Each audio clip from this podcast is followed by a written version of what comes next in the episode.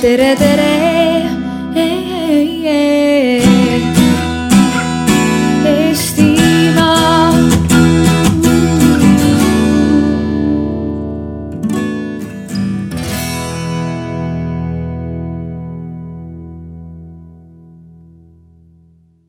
nii head inimesed, lugupeetud kuulajad, lugupeetud diskuteerijad, me oleme siis äh, väärtuskaval. Kell on kaks läbi natukene ja mõnus väike seeneliht tuleb, see tähendab seda, et homme saab seeni korjama minna või ülama pärast seda, seda meie arvamusfestivali. väärtustala ja me arutame väga tõsise teema üle, see on väärikas elu ja surm ja see on kirikute nõukogu siin kokku kutsutud ja seatud sellisel moel. nüüd vist läks maatülik mu hääbuda tagasi, me räägime mikrofoni, kuna me ka salvestame diskuteerijad samamoodi ja kui nüüd rahval on võimalus küsida mõne aja pärast või arvamust avaldada tsipakene, mitte pikalt ja mitte kommentaariumi stiilis, anonüümselt, siis me toome teile ka mikrofoni, et kõik jääks, kõik saaks salvestatud. see pealkiri Väärikas elu ja surm on väga raske ja väga, väga tõsine, ometi see on ääretult eluline, see on midagi taolist, mida me tavaliselt lükkame endast eemale. mida noorem sa oled, seda vähem sa mõtled surma peale, mida vanemaks sa saad, seda rohkem sa ilmselt mõtled selle peale. ometigi siin elus üks asi on täiesti kindel, on nimelt see, et me sureme. isegi Bob Dylan laulis kunagi, et sa võid olla kuningas, võid olla kodutu, aga kedagi sa pead teenima ja, ja meie siin elus siis äh, mis meist iganes saab, kelleks me iganes hakkame, kuidas meil iganes läheb, rõõmsad või kurvad, õnnelikud või, või mitte nii õnnelikud. üks asi on kindel, et ühel päeval me siit ilmast lahkume. ja, ja tänapäeval on siis üles kerkinud selline termin nagu abistatud enesetapp meie ühiskonnas. kinnitab see kanda või, või see on aktuaalne, pigem selline sõnakasutus on vast parem nüüdisaegsed juriidilised ja bioeetilised vaidlused puudutavad üle meditsiinifilosoofia ja praksise kõrguvaid eksistentsiaalseid küsimusi inimelu ja surma väärikuse kohta. Eesti Vabariigi põhiseadus paragrahv kuusteist ütleb, et igalühel on õigus elule. seda õigust kaitseb siis seadus. meelevaldselt ei tohi kelleltki elu võtta. kuidas seda tõlgendada, kui peaks kaaluma meedikute õigust abistada kedagi vabasurma minekul? milliseid väärtusi peaks arvesse võtma, kui küsimuse all on inimese soov abistatud enesetapuks. Neil teemadel me räägime. Alustame, vaatame, kuhu me täpselt välja jõuame. meil on osalejad, ma tutvustan siis, nimetan ära, siis ma annan teile sõna, et te ise igaüks saate natukene seletada, kuidas ja mis moel ja mis määral te selle teemaga olete kokku puutunud, eks. me paljud teame teid ja teame teie ametit, aga võib-olla natukene ikka. nii et meil on professor Margit Sutrop on meil arutaja, siis on meil õendusspetsialist Ilve-Teisi Remmel. siis on meil emeriitprofessor ja riigikogulane Helen Everaus. siis on meil anestesioloog Katrin Helmet keskel istub hingehoidja Leina nõustaja Naapel Haamer. kui te nüüd saaksite igaüks natukene kirjeldada siis enda kokkupuutumust selle teemaga, on see teie jaoks igapäevane, kas, kuidas see, kuidas te olete ühesõnaga kaasatud selle, selle raske teemaga? kes alustab ah,? ja te võite teha nii, et kes iganes tahab, aga. okei okay., kas see töötab, kas see töötab, ei tööta? töötab? töötab? Kas ma pean kogu aeg hoidma? ei pea hoidma. nii töötab? nii on väga hea. suurepärane, tere kõigile eh,. aitäh kuulajatele juba ette eh,. noh, ma julgen öelda, et me kõik oleme tegelikult üsna sarnases seisus, sest me kõik oleme sündinud siia ilma, elama ja sellepärast me mõtleme asjade peale, mis elus juhtuvad ja, ja elus juhtub palju erinevaid asju. kaasa arvatud see, et ühel hetkel see elu, mida meie täna tunneme, lõpeb. minu kogemus, kui ma nii võiks öelda erialaselt, siis ulatub tagasi noh, võib öelda küll ka siis juba sellesse aega, kui ma arstiteaduskonna astusin, aga pigem seitsekümmend seitse, kus ma valisin erialaks verehaigused, kasvalised haigused ja alustasin seda teed haigete kõrval ja julgen öelda, et ma olen nendelt väga palju õppinud. aga õppinud seda, et seitsekümmend seitse, kui ma alustasin, siis oli hoopis teine elu kui meil kõigil täna siin. oli hoopis teised, olid hoopis teised võimalused meil arstidel õdedel haigeid aidata. ja väga palju oli puudus, mis tegelikult motiveeris ja ma ütlen, et üks pool asjast on ka see, et tegelikkuses see, mis täna ei ole võimalik, on võib-olla homme-ülehomme võimalik, kui me selle teeme võimalikuks. ehk mina olen, eh, arvan, et väikse panuse sellesse andnud selle läbi, et ma eh, nii-öelda nullseisust luudi siirdamise Eestisse alustasin ja eh, kolleegid välja koolitasin ja see esimene siirdamine sai tehtud tuhat üheksasada üheksakümmend kolm ehk ma ütleksin seda, et see, mis täna ei ole võimalik, on võib-olla homme võimalik, kui me tahame. teine pool asjast, ei olnud väga paljusid asju, enamus asju, mis täna tehnoloogiliselt meil on kättesaadavad ja mida me saame oma haigete huvides kasutada. küll aga see, mida minu õpetajad, lugupeetud professorid ja mitteprofessorid, ka õed eh, omasid tollel ajal ma ei taha öelda, et rohkem, aga igatahes, mis anti mulle kaasa sellest ajast elu ja surma küsimuste äh, aspektist, on suhtumine. austav suhtumine igasse inimesesse, vaatamata sellele, kui palju temal on elada jäänud. ehk austav suhtumine selle läbi, et sa püüad teha ka need viimased päevad kui neid on jäänud päevad, me ei tea täpselt ette, väärikaks. Nii et siin ei ole, siin ei ole nagu kahtlust, need on kaks asja, mis mind on elus kandnud, ehk eh, eh, julgen öelda, et võib-olla, võib-olla nendest inimestest, kes täna siin on, on, olen ma eh, puutunud pikaajaliselt kokku väga keeruliste, et mitte öelda raskete haigetega, kelle elupäevad ei ole olnud sugugi alati pikad, küll aga kogu see elu nendega on koos käidud ja see tähendab mitte ainult seda viimast vaid see tähendab kogu seda teed koos, nii et ma, ma usun, et natukene mul kogemust sellest on. seitsekümmend seitse, täna on meil kaks tuhat üheksateist. tere no mina tööta, olen kogu oma teadliku elu või tööalase elu panustanud õendusele, püüdnud õendust arendada, püüdnud seda teha moodsamaks, nagu tänapäeval öeldakse. ja olen tõesti oma südame pannud õendusele ja ma usun, et haiglates, kes on veel lähem patsiendile kui õde olen oma elus ka väga palju inimesi, lähedasi aidanud nende elu viimastel etappidel.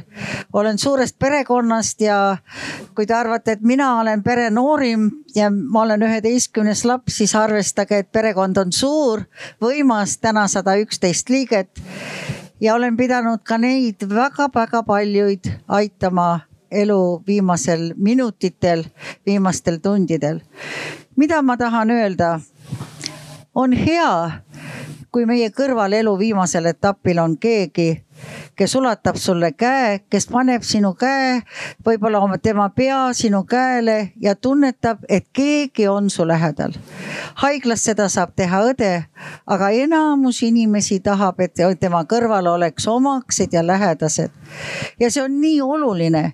ja kui siin tohtrid räägivad sellest, mida nemad saavad teha, siis mina ütlen, et kui tohter on andnud oma otsuse, et ei saa enam midagi meditsiiniliselt aidata aidata, siis õdedel on veel palju teha. ja kui midagi ei saa teha, siis on veel väga-väga palju teha meie hoolduses, armastuses ja ka halastuses. ja ma loodan, et tänapäeva õed annavad seda nii tere siis minu poolt ka, olen Naatan, nagu ennem öeldud. Ehm, Luteri kiriku vaimulik, aga minu suur osa tööst või põhimine osa tööst on haiglatöö. olen üle veerand sajandi töötanud haiglas hingehoidjana ja, ja, ja pereterapeudina ja eks ma olen pidanud äh, päris palju mõtlema selle peale, et kui inimene on haiglas ja sellises nii-öelda kõrvaltvaatajate jaoks lootusetus seisus. ehk et äh, mis on tema lootus ja kus seda lootust leida, millele seda lootust üles ehitada ja toetada. ja mõnes mõttes haakub just selle eelpool öelduga siin, et, et suhted, need inimesed, kes on meie ümber, on üks, üks väga oluline osa meie lootusest. aga sellest võib-olla pärast räägib pisut pikemalt, aga praegu hetkel üks osa ka, kust ma tulen, tulen laste leinatoetuslaagrist. Lähen sinna esimesel võimalusel kohe tagasi. ja olen nii laagri vormis, nagu ma siin olen.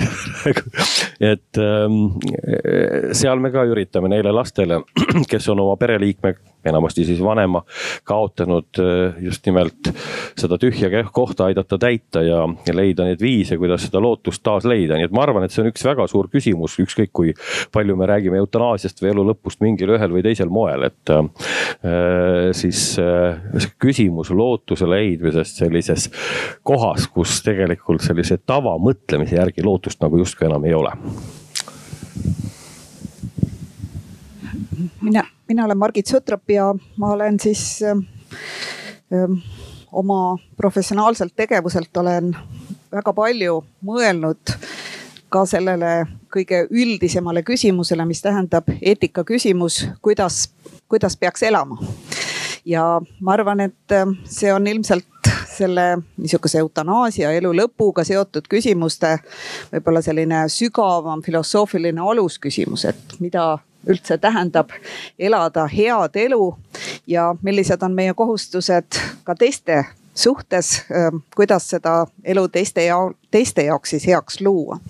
ja võib-olla miks on, tundub see kindlasti kõik selliste praktiliste tegutsejate kõrval nagu arstid ja õed ja hingehoidjad.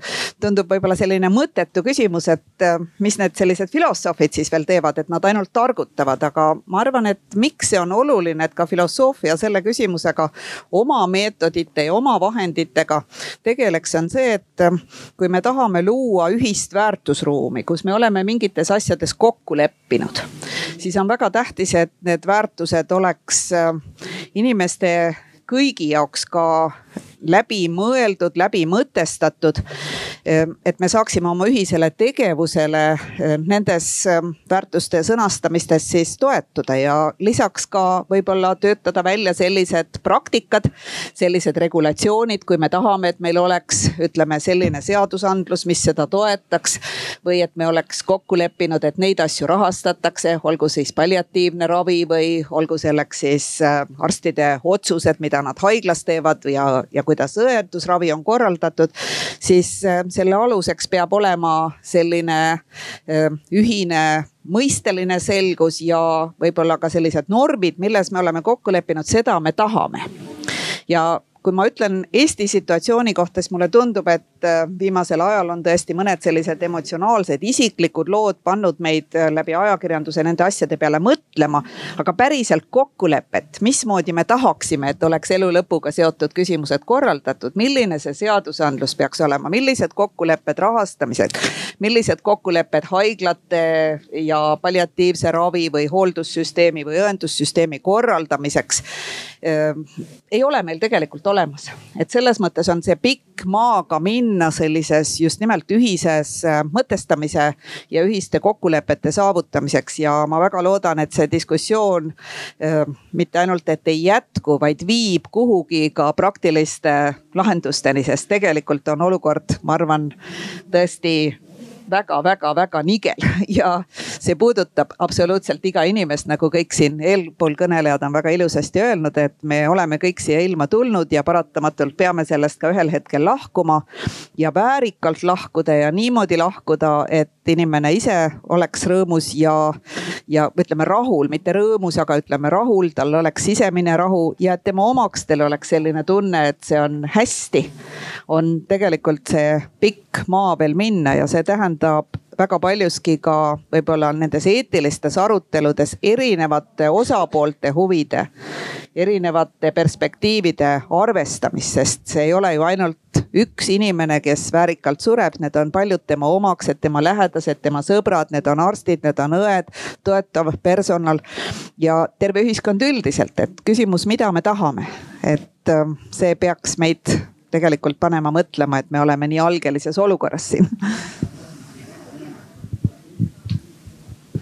seal on oma näitajad väiksem, me peame rääkima suhteliselt, mikrofoni meil väikse signaali saime, et taha pole hästi kuulda, nii et ma tean, et see hirmus kuulda iseenese häält, aga räägime nii hästi mikrisse, kui me saame, siis vist sealt kuskilt sõidad, see meie selja tagant see teine heli ka natukene sisse.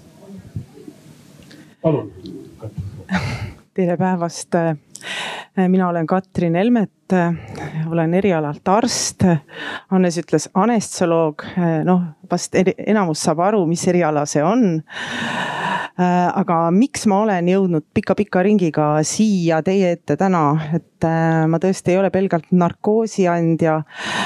Enamus oma elust olen ma lähedalt seotud olnud intensiivraviga, et ma olen olnud arst, kellel on olnud väga palju võimu. Kellel on olnud palju tehnoloogilisi võimalusi ja milleks elus hoida inimesi ja kui ma kaheksakümnendal aastal, äh, küll mitte veel arstina, aga noore tulevase meedikuna intensiivravi osakonna uksest sisse astusin, siis seisin ma silmitsi tegelikult olukorraga, kus ainukene eesmärk meditsiinis oli säilitada elu ja tollel ajal ei, ei võetud suu sisse autonoomiat, seda ei eksisteerinud, oli paternalistlik meditsiin. tol ajal ei, ei mõeldud sellele, et kõik, mis me teeme, peab olema tegelikult patsiendi, inimese kõige paremates huvides. me ei tohi patsienti kahjustada ja nii edasi ja nii edasi. ülim, kõige tähtsam oli säilitada elu ja seda iga hinnaga ajad möödusid, mina ja väga paljud äh, teised äh, meedikud hakkasid aru saama, et me oleme mingil väga valel teel. et see, mida me teeme elu säilitamise nimel, ei ole kaugeltki kõige õigem alati. ja kuna tol ajal meditsiinieetika arstidele kindlasti tuttav ei olnud, me õppisime mis me õppisime, teaduslik kommunism oli ja ateism oli ja sihuke värk oli. ei psühholoogiat, ei eetikat, tõepoolest mitte. ja minu, minust sai ise õppija, sest ma tundsin, et ma olen vales kohas. ma ei saa sellega hakkama. hoida elus inimesi ükskõik mis hinnaga. ja tänu sellele olen ma palju mõelnud äh, surmast ja ma pean arstina mõtlema surmast, sest surm on elu osa ja meil ei ole õigust takistada suremist. kui see on nii määratud ja kui see peab juhtuma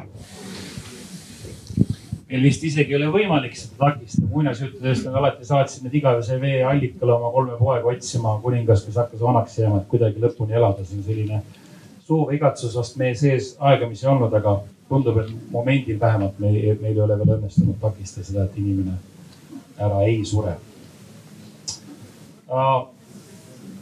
üks hiljutine lugu Prantsusmaalt.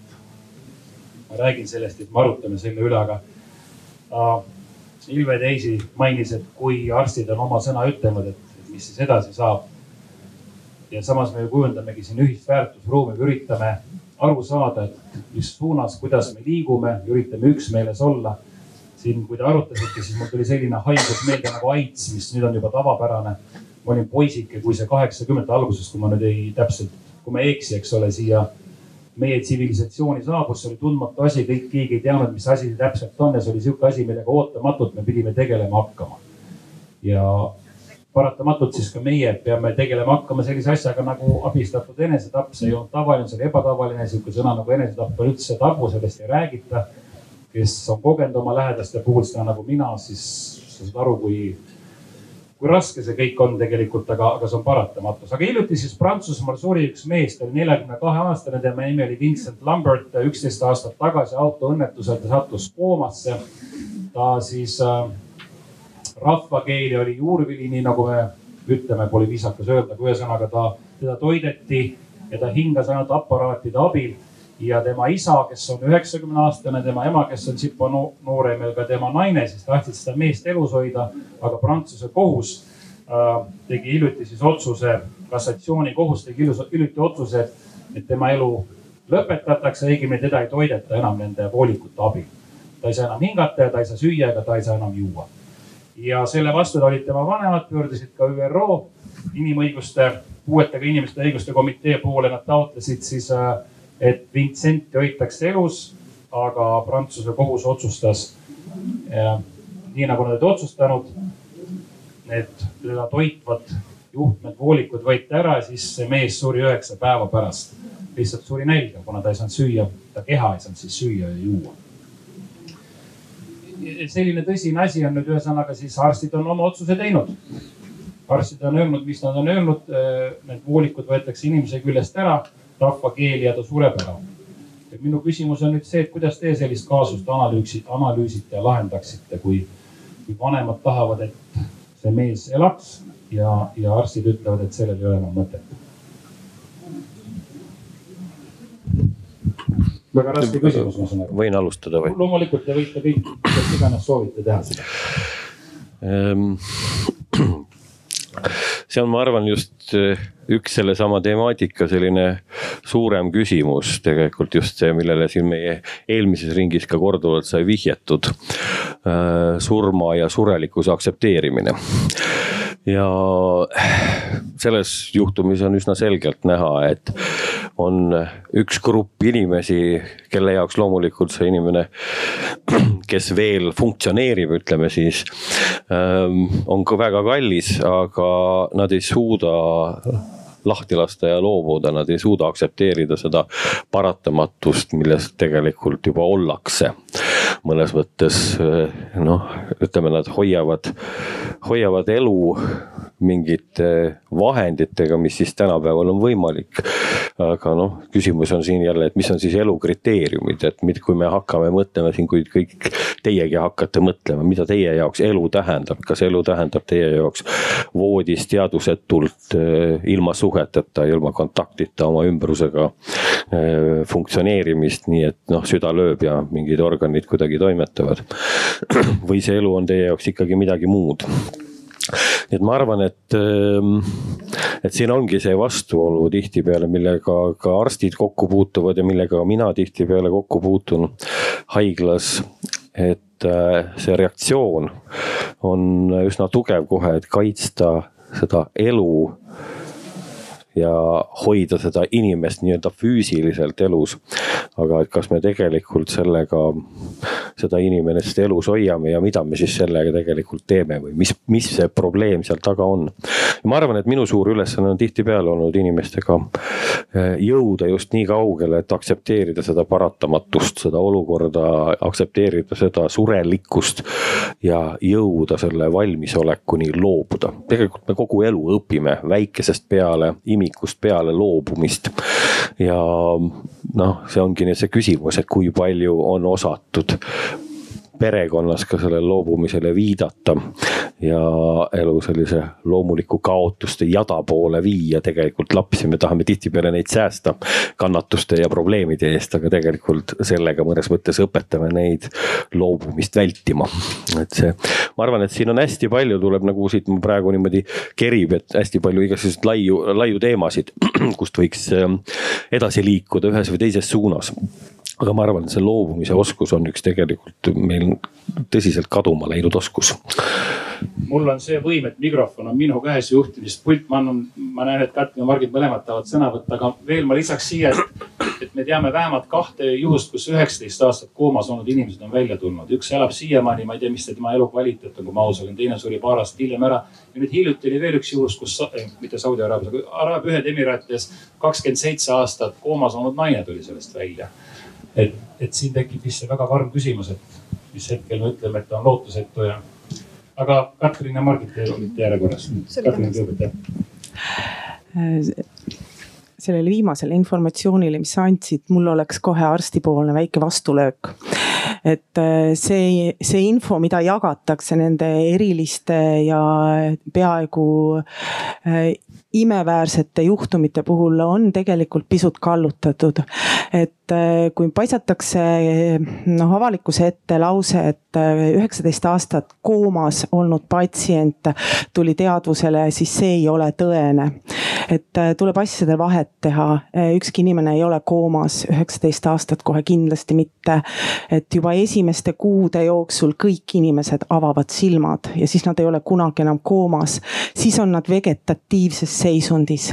ja nüüd on nii, et kas see vegetatiivne seisund on tõene, ehk ongi nii, et suur aju, see aju, mis teeb meist inimesed, tõepoolest ei eksisteeri või meil on olemas see minimaalselt minimaalne teadvusseisund, mis tegelikult oli, äh, kui arstid räägivad, siis nad ütlevad, nendel imeinimestel oli see minimaalne teadvusseisund olemas. kui seda ei ole väliselt näha, siis see on uuringutega tuvastatav ja siin on oluline vahe, millest me räägime. kui on puhas vegetatiivne seisund, siis nii nagu ilmselt oli äh, Prantsusmaal kaasuse, Prantsusmaa kodaniku kaasuse puhul, siis see on absoluutselt perspektiivitu ja see on noh, selle kohta küsime niimoodi, et sina, kes sa oled vastu, et see, sellel inimesel lastakse surra. vaata peeglisse, kas sina ise tahaksid üheksateist aastat seda elu elada. et kui vastus on ei, ei, siis sul ei ole õigust otsustada ka teiste üle, sest ma arvan, kõige tähtsam on see, mida me enamasti kahjuks ei tea, on inimese autonoomia, inimese enda väärtused, inimese enda filosoofia, arusaamine elus. mina ütlen, mina, minu jaoks on elu see mina ei ole nõus eksisteerima kehana selleks, et keegi mu lähedane saaks mind armastada. palun ärge pange mulle sondi ja ärge laske mul edasi elada, laske mul surra. aga mõni teine inimene arvab, et elu ise on nii väärtuslik, et ta on nõus seda elama ka lihtsalt kehana, ilma suheteta. aukartus elu ees, Albert Schweitzer, aga Margit, palun.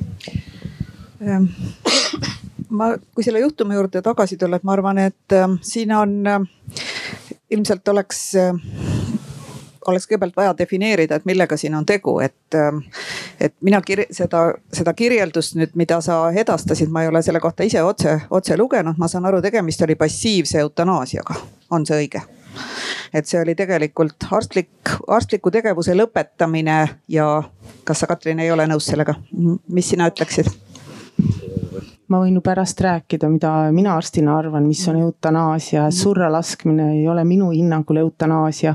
surmamine on eutanaasia ja minu jaoks on seal punkt, et äh, see on nüüd see debatt, millest võib ka, mida võib rääkida pikalt, kas on olemas passiivne eutanaasia, passiivne survamine. -hmm või ei ole, et jah. see, aga, aga see on nagu väga oluline punkt, sellepärast et see ongi küsimus, millest me tegelikult, millest me tegelikult räägime, et kas me räägime lihtsalt arstliku tegevuse lõpetamisest või arstliku tegevuse lõpetamisega elu lõpetamise, et, et selles mõttes see definitsiooni järgi on ju passiivne eutanaasia see, mis, mis, mis mhm. tegelikult äh, tähendab seda, et see on surra laskmine, kui arstid ei tee midagi selleks, et patsiendi elu äh, hoida, hoida edasi kestmas, et äh, ma arvan, et see ei ole ainult selline mõisteline diskussioon on väga põhi, põhimõtteline vahe minule kui arstile, kes ma lihtsalt pean laskma patsientidel aeg-ajalt mm -hmm. surra. Mhm. ma lihtsalt pean laskma, midagi ei ole üle, ei jää üle ja kui minu tegevust äh, peetakse eutanaasiaks ehk surmamiseks, et kui me nüüd täpselt defineerime eutanaasia, siis see on surmamine, mitte surra laskmine.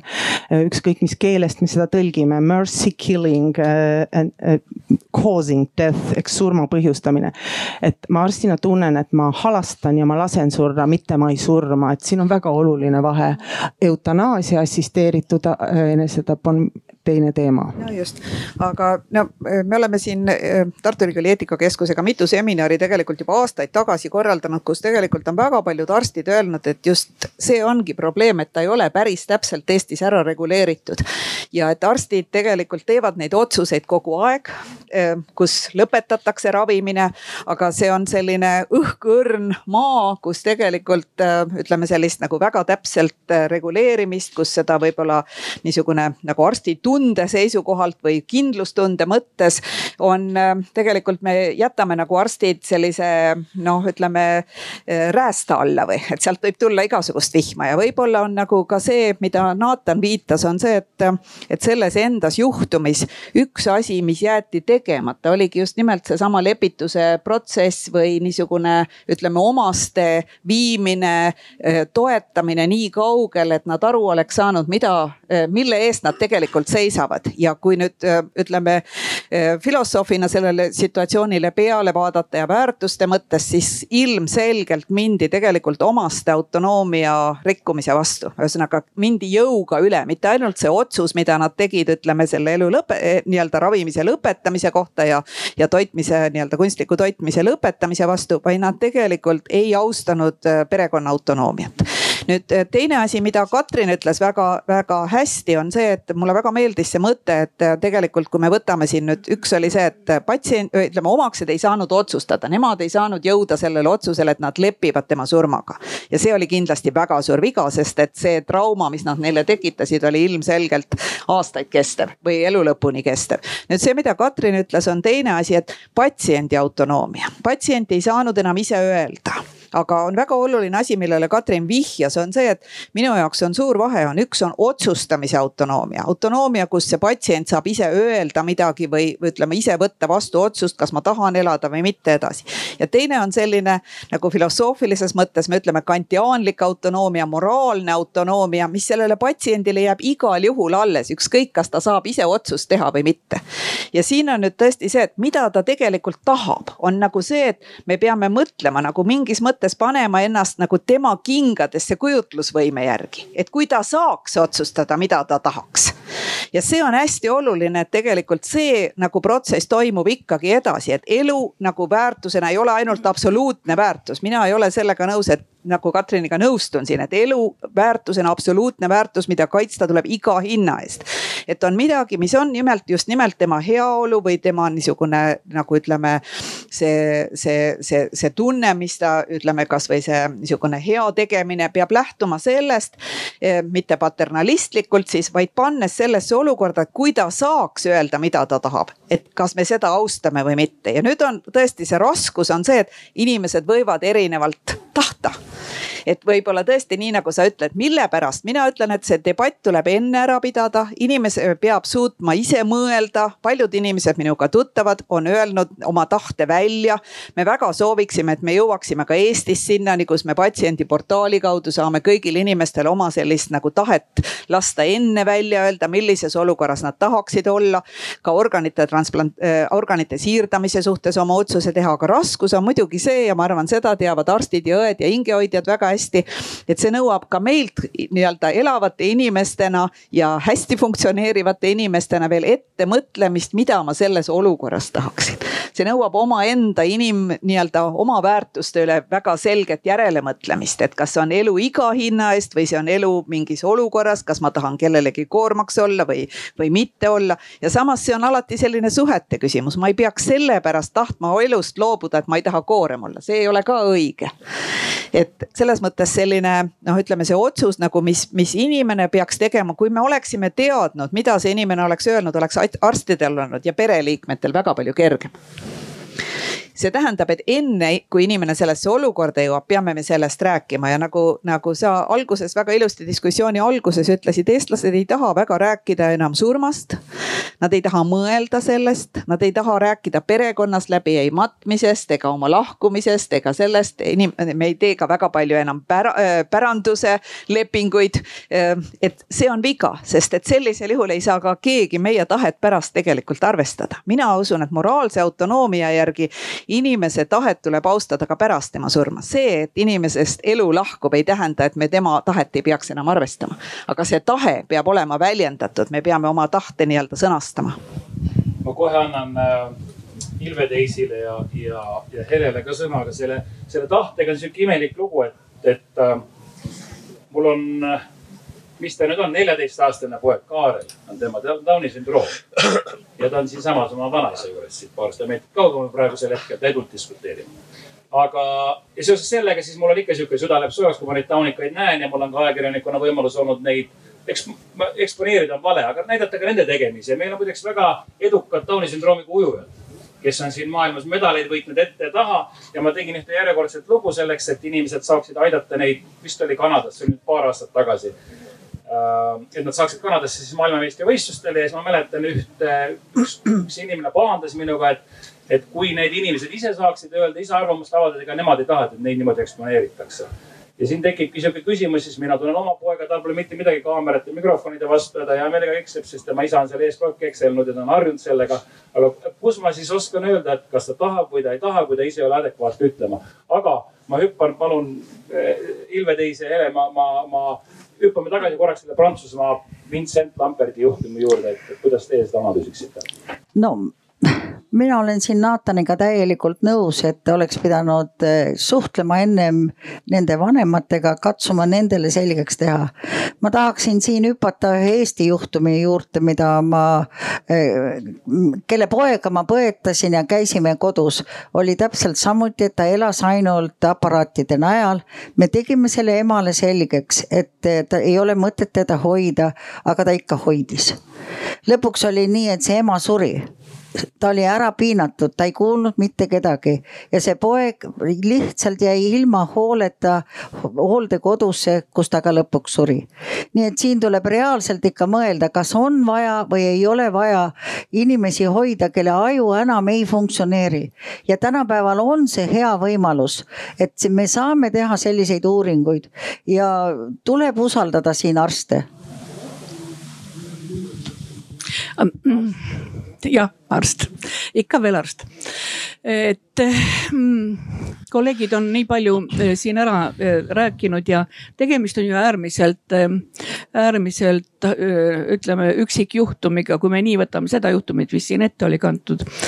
Neid juhtumeid on erinevaid ja kindlasti mitte nii pikaajalisi ja ma arvan, et siin on, siin on võimalik igal ühel situatsioonil individuaalselt neid asju arutada. seda otsust ei tee kunagi üks arst, eks ole ju, seal on, seal on kolleegide konsiiliumid ja need asjad arutatakse kõik lähedastega läbi, aga noh, ma olen täiesti nõus, et alati ei õnnestu kõike selgeks teha, see on ka selge. ma toon palju lihtsama juhtumi, mis lihtsam, see oli väga keeruline, kuueteistaastane, eh, eh, kuueteistaastane tüdruk poos ennast ülesse ja ta tuli sealt välja aju surnuna, eks ole ja, ja kui siis räägiti sellest samast situatsioonist, et, et, et noh, selles situatsioonis eh, noh, see elu ei ole enam, ei ole enam elu, siis olid, olid kogu, ma olin ise selle jutuajamise juures, oli kogu seal oli natukene kiirustades ette tehtud telefoni teel, niisuguseid jutuajamisi ei tohi kunagi teha perekonnaga, oli telefoni teel küsitud, et kas võib lõpetada kogu see lugu. sest et silmas peeti organeid, eks ole, noh siit hakkab juba pihta see suhtumine, et kuidas seda kõike käsitletakse. aga ma arvan, et kuidas iganes me nimetame seda, ma olen täiesti nõus, et passiivse eutanaasia koha pealt on meil palju segadust maailmas ja ega nende definitsioonide koha pealt ongi palju segadust, sest kõik need asjad on väga keerulised sellepärast ongi, võtad ühe raamatu, võtad teise ja kolmandaga, aga võib-olla meie tänane küsimus. Te ütlesite enne abistatud enesetapp ja eutanaasia, need on erinevad. eutanaasia tähendab väga selgelt arsti poolt määratletud, arsti poolt läbi viidud ühe inimese elu lühendamist põhjendusega, mis tema annab. Neid põhjendusi muide, kui me nüüd Hollandi kogemust võtame, on need põhjendused on läinud juba sinnamaani, et plaanitakse anda nii-öelda väsinud inimesele eh, kokteil või tablett, kui sa oled üle seitsmekümne, valmistatakse ette seadus, kui sa oled üle seitsmekümne, siis on õigustatud, et arst võib sulle anda tableti, millega sa lõpetad oma väsinud elu. kas me sinna tahame jõuda, see on minu küsimus. abistatud suitsiid diskussioon on see, et kumb on parem siis suitsiid või abistatud suitsiid. Abistatud suitsiid on halvem, sest et sa võtad kellegi, kes hakkab vastutama sinu surmamise eest miks peab teine, kes on hoopis teised vanded andnud, selle eest vastutama? Need, need diskussioonid ei ole nii lihtsad ja need inimesed, kes tegelikult ei ole eh, surijate kõrval pikka aega olnud, teevad väga lihtsalt niisuguseid ettepanekuid. Nad ei ole lihtsalt seda näinud. Te ise teate, kui palju teist on olnud pikka aega, mina olen põetanud oma ema ja isa kodus voodihaigena. mu isa oli väga raske vähihaige. ta ütles, et ma ei tea, mis nad räägivad. ma elus ei taha eutanaasiat, see tähendab, et, et tütar potentsiaalselt võiks olla nii, et tütar teeb isale süsti ja ongi kogu lugu, kui see oleks seadustatud.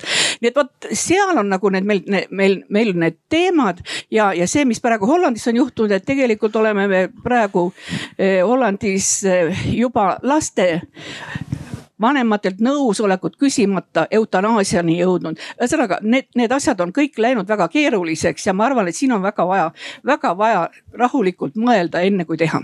ja ma annan äh, kohe Naatan ja, ja Margit palusid sõna ja siis, äh, siis appis, me oleme juba pool arutelu ära arutanud. kui kellelgi on üks hea kommentaar või mõte, siis mõne aja pärast ma pöördun ka teie poole pärast, pärast teid kahte, aga jah oli tõesti, vist oli Belgias üheksa, üheteist aastane, kui ma ei eksi, jah. sul, Margit, oli sellesama asja kohta midagi? siis ära, et mul viib mujale ma oleksin selles mõttes Helega, Helega väga nõus et ma arvan, et tõsine probleem on äh, see, mida filosoofid nimetavad libeda nõlva argumendiks, et, et kui me nagu hakkame seda lubama, et selliste väga-väga tõsiste juhtumite puhul, kus inimene, äh, inimese ütleme, aju, ajusurm on äh, olnud juba või, või aju, ütleme selles mõttes mingisugune selline noh, ütleme, kus tõsiselt on selge, et see on lootusetu, siis on hoopis teine juhtum, kui me räägime siis, kui inimene on väga väga tõsiselt haige, nii nagu Hele räägib, sügavalt ütleme rasketest vähihaigetest, kellel ka kindlasti ütleme, on võimalik ainult elu pikendada, aga tegelikult äh, need suurte valude käes vaevlemine ja see kõik on väga piinarikas. Ja nüüd ma arvan, et äh, tõesti see ohtlik juht on see, kus lõpuks tekib küsimus, et kui palju me peaksime vanureid elus hoidma, sellepärast et Saksamaa diskussioonid on tõepoolest tänaseks jõudnud sinna, et kui vaadata eetikaraamatuid, siis praktiliselt seitsekümmend protsenti raamatutest räägib elu lõpuga seotud küsimustest. sest äh, tehniliselt ja, ja ütleme, on võimalik järjest kauem elada. Me teame, et suurem osa äh, äh, haigekassa ressursse, kui me räägime rahast, vist ütleme, läheb viie protsendi viimase eluaja tegelikult patsientide raviks. tekib küsimus, et kas me ei saaks sellega hoida tegelikult elus hoopiski nooremaid inimesi ja ravida neid väga raskeid haigusi, mis noortel on. et seal tekib tegelikult kui me hakkame eutanaasia seadustamisest rääkima, mis on üks selliseid võimalikke diskussioone Eestis, siis tekib surve rääkida üleüldse sellistest valikutest, mida me teeme. Ja see on tegelikult ohtlik ja ma arvan, et see on ohtlik ka inimeste eneseteadvuse, ütleme enese otsustamise mõttes. Ja ma võib-olla noh, olen korraks juba ka kirjutanud ühest isiklikust juhtumist, millega ma olen hiljuti kokku puutunud, aga ehm, kuna see puudutab minu isa ja isa on väga hea meelega ise arstina nõus oma kogemusest rääkima, siis ma arvan, et äkki see on väga õpetlik, sest et neljanda staadiumi vähihaigena enne jõule eh, oli tal käsi ja jalg halvatud ja ta rääkis mulle terve nädala tervet perekonda palus, muidugi peab eutanaasiat seadustama, olles ise ka vaadanud sedasama telesaadet ja öelnud, et mis mõtet on minu elul veel, kui ma ei saa enam voodist välja ja ma ei saa ennast eh,, ei saa enam liikuma, et loomulikult peaks eutanaasiat seadustama ja minule palun tehke eutanaasiat. andke mulle ometi natuke rohkem seda unerohtu, et ma saaksin siit elust lahkuda Läks natukene aega mööda, meditsiin aitas, tulid jõulud. ühel hommikul ärkas ta eh, ülesse. ema arvas, et ta hüüab jälle appi ja tal on halb olla, aga ta hüüdis, palun keerake natuke telekat kõvemaks, ma tahan seda ilusat Kaarli kiriku kontserti kuulda, nad laulavad nii ilusasti täna käib ta juba bridžiklubis, ma viisin ta just eelmisel nädalal Pangodi järvele paadiga sõitma. Ja ta ei mäleta enam, et ta soovis eutanaasiat. ta ütleb, mis mõttes võis mul peas olla niisugune rumal mõte, et ma tahtsin elust lahkuda? Seda otsust ei saa ju teha, aga kujutage ette, et me oleks teda aidanud. Kujutage, need tabletid olid olemas, minu ema on ka arst, need tabletid olid olemas, me oleks saanud teda aidata, tal oli halb, tal ei olnud valusid, aga ta arvas, et elu on mõttetu. ta tahtis elust lahkuda. ja nüüd ta tegelikult on selge, et haigus on tal alles, arstid peavad teda aitama edasi ja ravida. aga tema ta on, ta on kümme kuud edasi elanud, terve perekond on rõõmus, me oleme, me ei pannud teda hooldekodusse, me aitasime teda. ja ma kardan väga, et loomulikult need juhtumid pole võrreldavad, aga väga kergesti võib tekkida inimestel mõte ja isaga arutades me arutasime ka, et väga kergesti tekib inimestel endal surve, et ma pean soovima eutanaasiat, sest ma olen ju teistele koormaks. terve perekond jooksis ja aitas teda, kaks kuud me vedasime teda süles potile ja, ja, ja, ja toitsime ja põetasime teda, kõik pereliikmed olid ametis ja väga kergesti tekkis tema peas kogu aeg see mõte, appi ma olen teile tüliks, appi ma olen teile tüliks, te kõik saaks oma elu elada, ma peaks siit elust lahkuma. aga see ei ole tõsi ja me kõik oleme väga rõõmsad, et ta elab, et selles mõttes see on nagu üks selliseid juhtumeid, kus neid otsuseid ei tohi teha nii kiiresti.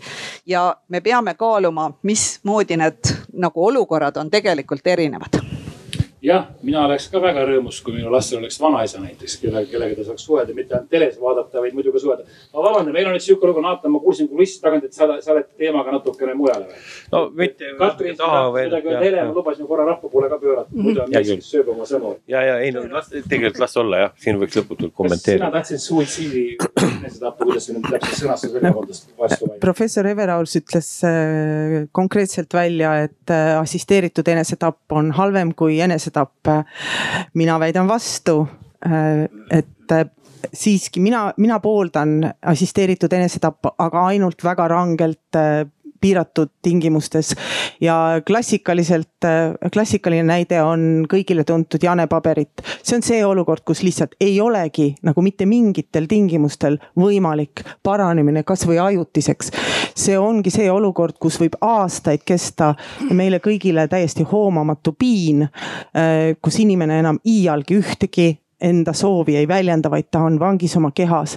ja ma olen täiesti kindel, et näiteks Jane Paberitil ja teistel taolistel patsientidel on õigus äh, paluda abi, et neid säästetakse nendest piinadest, mis neile saatus ette on saade, saatnud. ja miks neil ei peaks olema õigus surra koos oma perekonnaga, et keegi hoiab kätt et keegi aitab, keegi on sinu juures, kui ta, kui sa suled silmad ja sured. mitte, et sa pead ennast ratastooliga kuskilt kaljult alla veeretama üksi või kuskile üles pooma või kuskile väga noh, kohutavasse olukorda oma keha viima, kus keegi sind leiab ja keegi läheb hulluks sellest, et sa oled ennast tapnud niimoodi üksinda. minul on nagu see argument, et see on poolt, see on assisteeritud enesetapu poolt, see argument, ma usun, et see on nii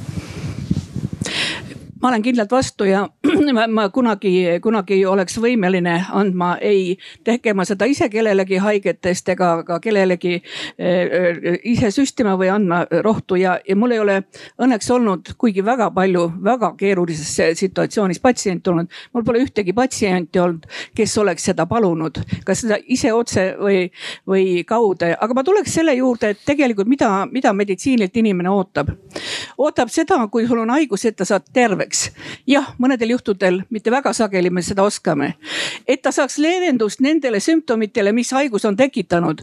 ka seda me osaliselt teeme, aga mis on alati kohus, on alati kohus on teha maksimum seda, mis antud situatsioonis selle inimese jaoks me saame teha, me ei pea seda üksi tegema. me saame teha seda koos kõigi meditsiiniinimestega, koos perekonnaga ja need kaks viimast on meie riigis, ma julgen ütelda, nõrgalt käsitletud. ehk see on see, mida nimetatakse palliatiivseks abiks, see ei ole midagi erilist.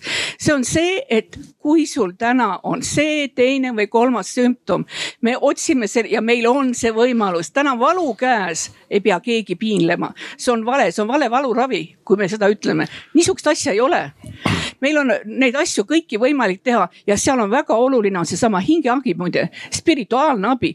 inimene, inimese see füüsiline valu ei pruugi üldse olla see kõige oluline on hingevalu, kui ta näeb, et teda ei ole kellelegi vaja siia puutuvad ka kõik kodused ja ümbritsevad. nii et ma arvan, et siin on tegelikult, see on kultuuri küsimus, see on meie kõigi kultuuri küsimus.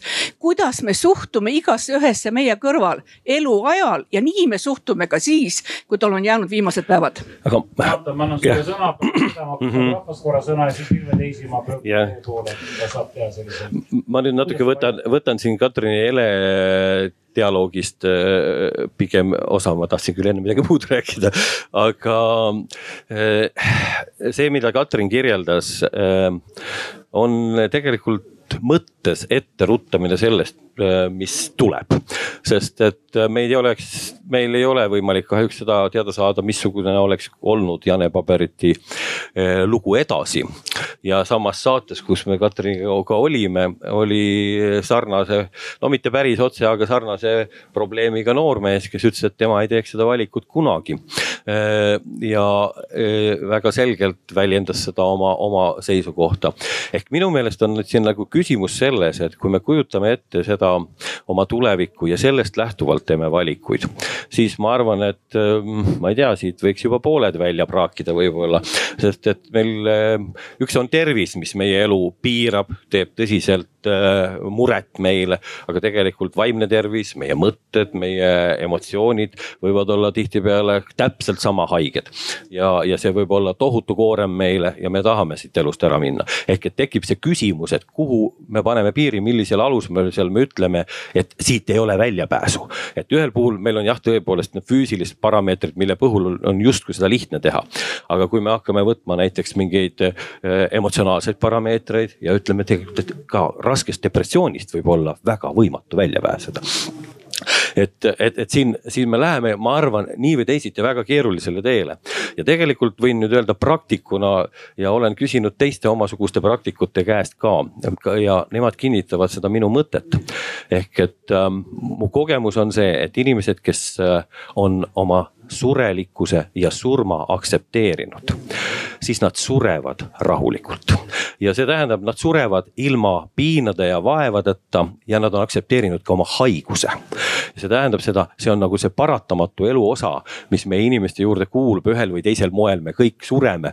Äh, nagu minu kabinetikaaslane Anne Kirss ütleb, on öelnud kunagi, ta küll pärast väitis, et ta ikka päris nii ei öelnud, et kõik me sureksime vähki, kui me ennem ära ei sureks. aga, aga et põhimõtteliselt, et mingi põhjus on meil kõigil surra ja kas see on ühel või teisel moel valulik, me ei tea tegelikult seda ette. aga kui me kujutame ette seda, siis me võime selle küll endale väga valulikuks teha.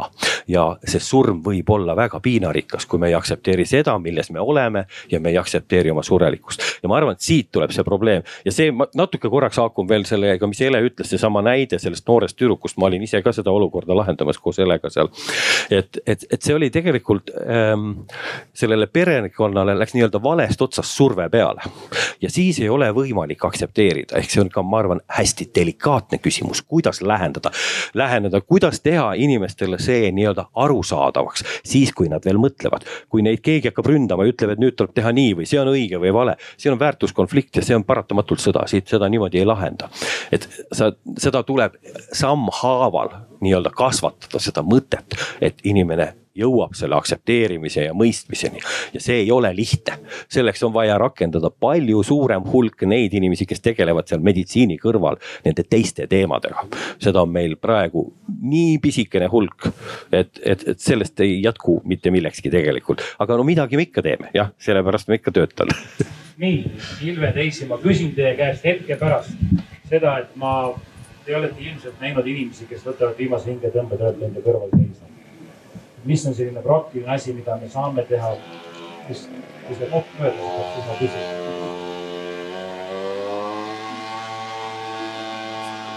loodan, et keegi mootorsaagi käib nüüd tõmmata kaugemale. et mis on, sest, sest me ju kõik ühel hetkel oleme selles hetkes. kuulge, aga head inimesed, kas keegi tahab öelda midagi, sõna võtta, mõne kiire mõtte, pikalt ei saa arvamust avaldada ja teine asi, te olete avalikult praegu üle peidetud kommentaarid, nii et ahah, jah.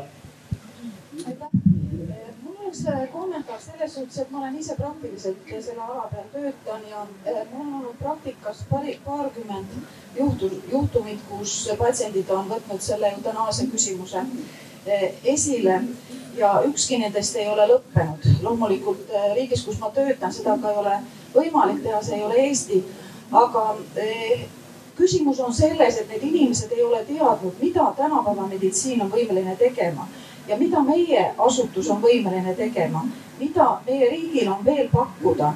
Ja, ja eelkõige just see, et, et meil on need võimalused ravi, ravida valu, meil on õed, kes on võimelised olema ka teinekord üle tööaja selle haige kõrval, on eh, inimesi, hingehoidjaid, on, on spetsialiste erinevaid et, et need kõik juhtumid on lõppenud ilusa surmaga, selles mõttes, et nad ei ole eh, seda eutanaasiat eh, saanud. ja mina isiklikult olen väga eh, vastu selle assisteeritud või abistavale enesetapule sellepärast et mina arstina ei taha mitte kunagi elada kahepalgelist elu. me teame nõukogude ajast, kuidas me pidime mõtlema ühte ja tegema teinekord teist ja mulle tuleb nagu võib-olla teilegi seesama analoogia meelde. ma tahan olla haigete ja nende omaste ees äh, aus ja, ja tänapäeva meditsiin on see, nii nagu täna siin, siin selle katuse all on erinevad spetsialistid. mitte kunagi ükski arst ei saa öelda, et nüüd on kõik tehtud. mina ei ole kõike teadja kuigi ma võib, ma võin omada mis tahes tiitleid ja nii edasi. aga, aga alati on keegi teine, kes teab must rohkem või mingit elukogemust omab. ja sellepärast meie teeme neid otsuseid rühmas, tiimis. me teeme iga päev tiimitööd ja, ja need rasked küsimused ei ole kunagi ühe inimese käes. et, et enne kui hakkame rääkima mingist eutanaasia seadusandlusest, on vaja paika panna korralik surijate ravi mitte kunagi jätta inimesi üksi saatma diagnoosiga, et nüüd, nüüd on neljas staadium ja nüüd omaksed hoidke, kuidas ja ravige, kuidas tahate. ei, me peame, me peame neid inimesi kandma ja siis ei tule selliseid soove. aitäh selle kommentaari eest. Ilve, teisi, te olete seal nende inimeste kõrval olnud reaalselt, eks ole, kes on tõmmanud oma viimase hingetõmbe. mida kuidas me saame neid aidata siis, mida me saame teha ja miks te nii rõõmus olete, te olete neid nii kaua näinud ja te olete ikkagi särav ja rõõmus inimene? see ongi üks asi, mida peab olemagi kõigi raskete haigete juures, me ei tohi kunagi näidata välja oma kurbust. me peame patsiendi juurde minema alati rõõmsa meelega. ja kui me seda teeme, siis patsiendid tunnevad seda ka, et nende elu on ka helgem ja kergem. kui ma lähen tavaliselt väga raske haige juurde, ma olen põetanud väga pikalt äh, meie oma peaarsti, kes oli kuus ja pool aastat ja me ei teadnud iga päev, millal ta lahkub siit ilmast. aga kui ma tema juurde läksin, siis ta alati ütles, et sa tuled nagu päike ja kõigile teistele õdedele ka ja see on üks osa. samuti olen nõus sellega, et meil ei ole raskete haigete hospitseid, meil ei ole neid võimalusi, mida meil täna peaks olema aga kui meil oleksid need, küll me leiaksime sinna palju inimesi, kes läheksid sinna ka teenima. ja ma usun, et kristlaste seast on ka palju neid, kes tahaksid teenida ja olla surijate viimase voodi juures. ja surija vajab viimasel hetkel, ta vajab, nagu ma ennem ütlesin, lähedase inimese või õe või kellegi lähedust. ma olen seda aru saanud, et kui inimene hakkab lahkuma ja kui on teada juba, sa näed, et peaaegu on juba viimased hetked käes.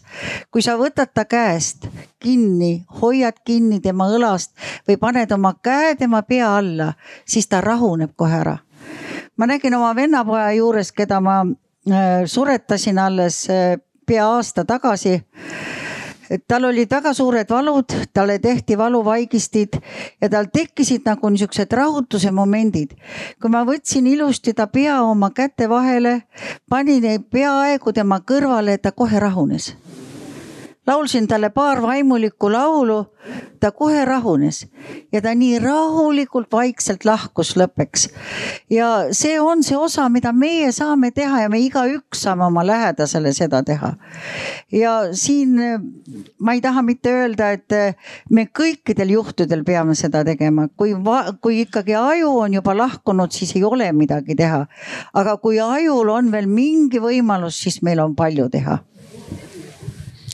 mul on, kuna mikrofon jõudis siis teie kätte, ma küsiks veel ühe sellise asja, meil oli siin arutelu, eks ole, me, me mõtleme, et mis hetkel siis äh, ja kui palju ressurssi me peaks, rahva ressurssi me peaks kulutama nende inimeste, vanemate inimeste elus hoidmise peale. samas me teeme kõik, et äh, enneaegselt sündinuid ellu aidata, elus hoida, neid kuidagi ellu poputada. meil on mitmeid imelisi lugusid, kus nad ongi rõõmsad ja, ja, ja terved lapsed täiesti Ilve Teisi, mis te ütlete selle kohta, et kui palju me ressurssi peaks raiskama, et vanemaid inimesi äh, siis elus hoida? kui me saaksime Eesti Vabariigis luua korralikud hooldekodud ja palliatiivravi, siis ei oleks need kulud ka nii väga suured.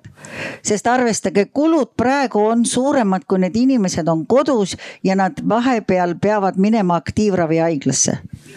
kui nad oleksid palliatiivravi osakondades, kui meil oleks sellised hooldekodud, küll me saaksime ka vabatahtlikke, kes neid aitaks.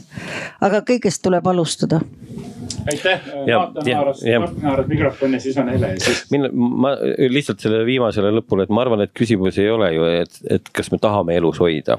vaid pigem, et kuidas me sisustame seda elu või täidame seda elu, mis järgi jääb, kui võib-olla ei jaksa enam sellisel moel nagu võib-olla kõik terved ja tublid.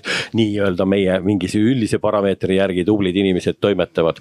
ehk et ongi see küsimus, mis tuleb õppida ära, kuidasmoodi muuta elu sisukaks ka siis, kui võib-olla ei jaksa jaksa enam niisuguseid asju teha. ma võin rääkida ühe loo, tegelikult tuleb mitu lugu, aga, aga pähe, aga üks ähm, äh, viieaastane tüdruk äh,, leukeemiahaige tüdruk, kes lõpuks saadeti koju äh, ja nii-öelda palliatiivsele ravile või õigemini siis surema sinna koju. ja siis ta teadis, et ta sureb ähm, ja tal oli üks soov. Äh, ta tahtis istutada seitse kastanit või jah, seitsmeaastane oli ta, vabandust, iga oma aasta eest, eluaasta eest ja et siis, kui tulevikus äh, lapsed, et need, neist kasvavad suured puud, et siis, kui tulevikus lapsed neid, nende all saavad kastaneid korjata, et neil on hea meel. ja ta tegi seda oma elu lõpul nii, et ta tal läks kolm päeva aega nende kastanite istutamisega potti, mida isa tal aitas. ta käis oma ratastooliga, korjas neid, isa viis ta õue. ta korjas need sealt õuest ja siis ta istutas need lillepottidesse. ja siis, kui ta oli kõik need seitse kastanit ära istutanud, siis ta suri. ehk et ähm, ma arvan, et on hästi tähtis, et meil on ka viimasel hetkel äh, vaja teha midagi, mis meie jaoks teeb meie olemise mõttekaks. ja just nimelt selle mõttekuse leidmine on see võib-olla üks keerulisemaid ülesandeid, mida teha, et, et, et seda nagu saada kätte. vahetevahel on vaja, vaja kõrvale kedagi, kes sellele näiteks tähelepanu juhib, et kui ma ikka enam tõesti ei jaksa niimoodi tööd rügada, et mis must kasu on. või kui ma ei jaksa enam, noh, ma ei tea äh, aidata kõiki, ma olen kogu elu toimetanud ja aidanud kõiki ja nüüd enam ei jaksa, mis must kasu on. selliseid küsimusi on ma ei tea, sadu-sadu mulle esitatud, et mis minust enam kasu on. ja siis me otsime selle inimesega koos, mis tast kasu on. ja enamasti tuleme kasvõi juba sellise lihtsa asja juurde, et tal on suu peas ja mõtted peas ja neid, tema mõtteid, tema kogemusi, tema lugusid tahavad tegelikult kuulata tema ümber paljud, kui nad ainult teaksid neid lugusid. ja ma arvan, et mina olen neid lugusid kuulnud ja ma ütlen, et neis on nii palju väärtust, ma olen nii palju õppinud neilt inimestelt. ja ma olen nii palju neid tänanud nende lugude eest ja ma arvan, et meilgi ka, kui me oleme siin nooremad ja tublimad. minge otsige need inimesed ülesse, kellel on midagi tegelikult elult kogetud ja kogutud ja nad tahavad seda teile jagada ja tunnustage neid selle eest, rääkige, küsige neid asju. ma arvan, et seal on nii palju asju, mille, mis neile elurõõmu tagasi toovad, kui nad näevad, et keegi väärtustab seda, mida mina tahan rääkida. Katrin ja siis Helen ähm, ja ma siin äh, enne kuidagi valjult ütlesin, läksin hoogu ja et ma olen suur eutanaasia pooldaja, noh põhi, põhimõtteliselt ma jään selle juurde.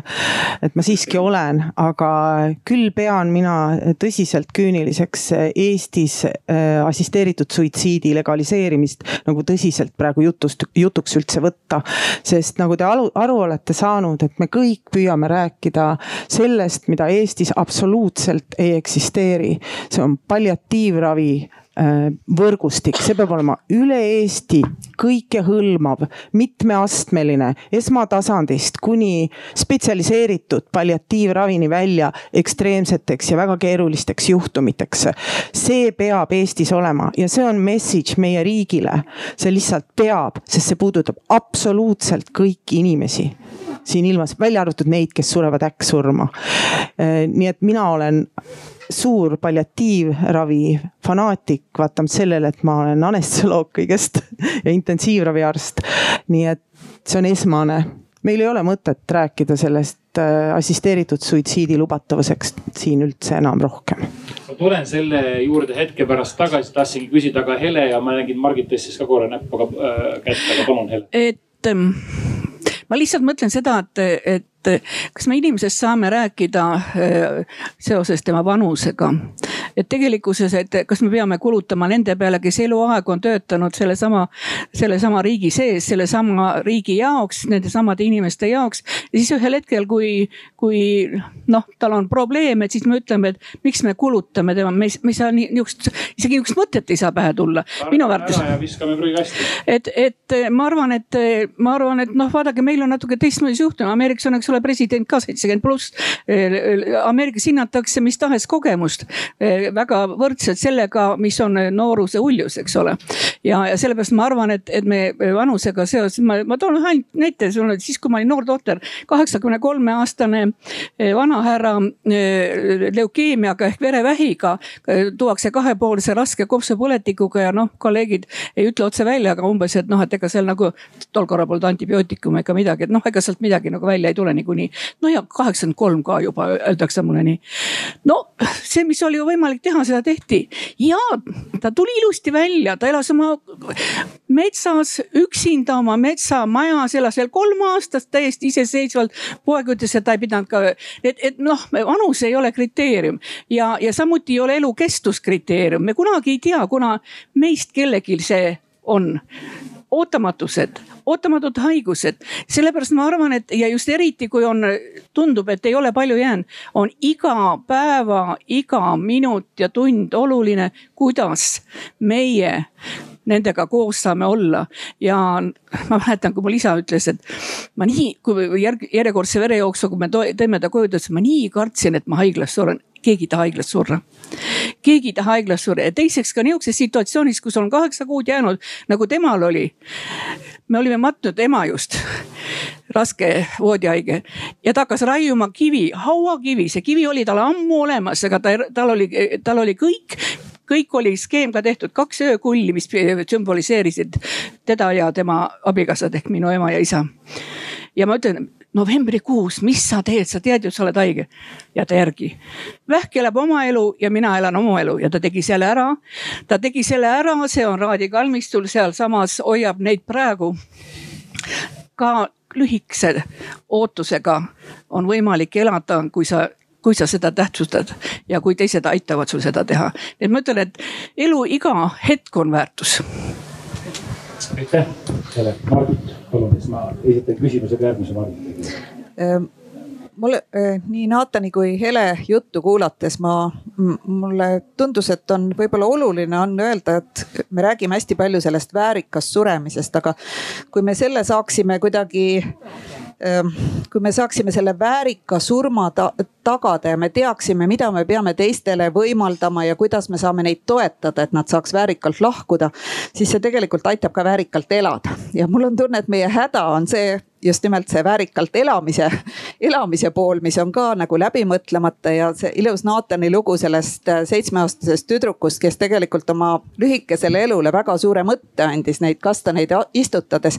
Pani mind mõtlema selle peale, et väga paljud ütlevad äh, niisugust asja, et kui me teaksime ette, kui palju meile on antud, et siis me saaksime oma elule paremini mõtte anda.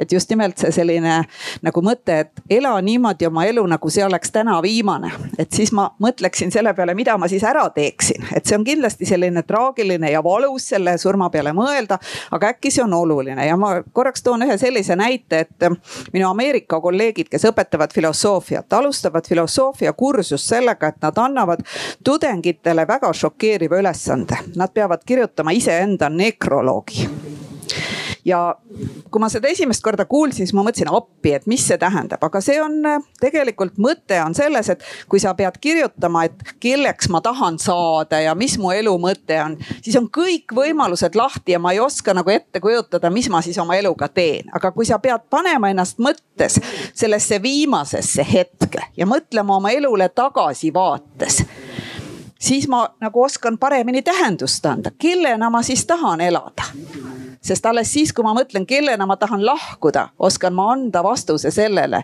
mis ma tahan oma eluga teha. ma arvan, et see on hästi oluline ja võib-olla just nimelt seesama need põetussituatsioonid ja sellised, isegi seal saab öelda, et oi, sa ei ole koormaks, sa hoopiski aitasid mul anda oma elule mõtte, see on suur väärtus, kui ma saan kellegi eest hoolitseda, kui ma tunnen, et ma olen aidanud kedagi. nii et võib-olla need on niisugused mõtted, mis just nimelt need surmateemad aitavad meil tegelikult ka oma eluteemade peale mõelda. See on ju üks meil kõigil teada, milline Egiptuse surmakultuur, kus siis terve elu valmistati ette hauataguseks eluks, iseasi, kas me seda usume või mitte, aga nad olid teadlikud, et nad siit lahkuvad. kakskümmend kaks minutit on aega appi väärtused, selline küsimus ka nagu Katrin mainis just, et me ei ole tead valmis, et sellest rääkida siin, et miks me ei räägi kõigepealt palliatiivsest ravist, et meie ühiskond ei ole valmis, et abistatud enesetapust rääkida. kui see paratamatult tuleb ikkagi üles, ta juba tuli üles, eks ole, Jane Paberiti tütar oli meil eile Ringvaates, Mutika tegi temaga intervjuud see on, see on, see on juba siin. väike märkus, rääkima ikka peab, aga tõsimeeli kaev äh,, kaaluda, et nüüd legaliseerida, vot siin on. aga minu küsimus on, me jõuame sinna, me jõuame paratamatult sinna, mulle, mulle tundub niimoodi, et kas siis täna või kümne aasta pärast, milliste väärtustega me peaksime enda ühiskonnas arvestama.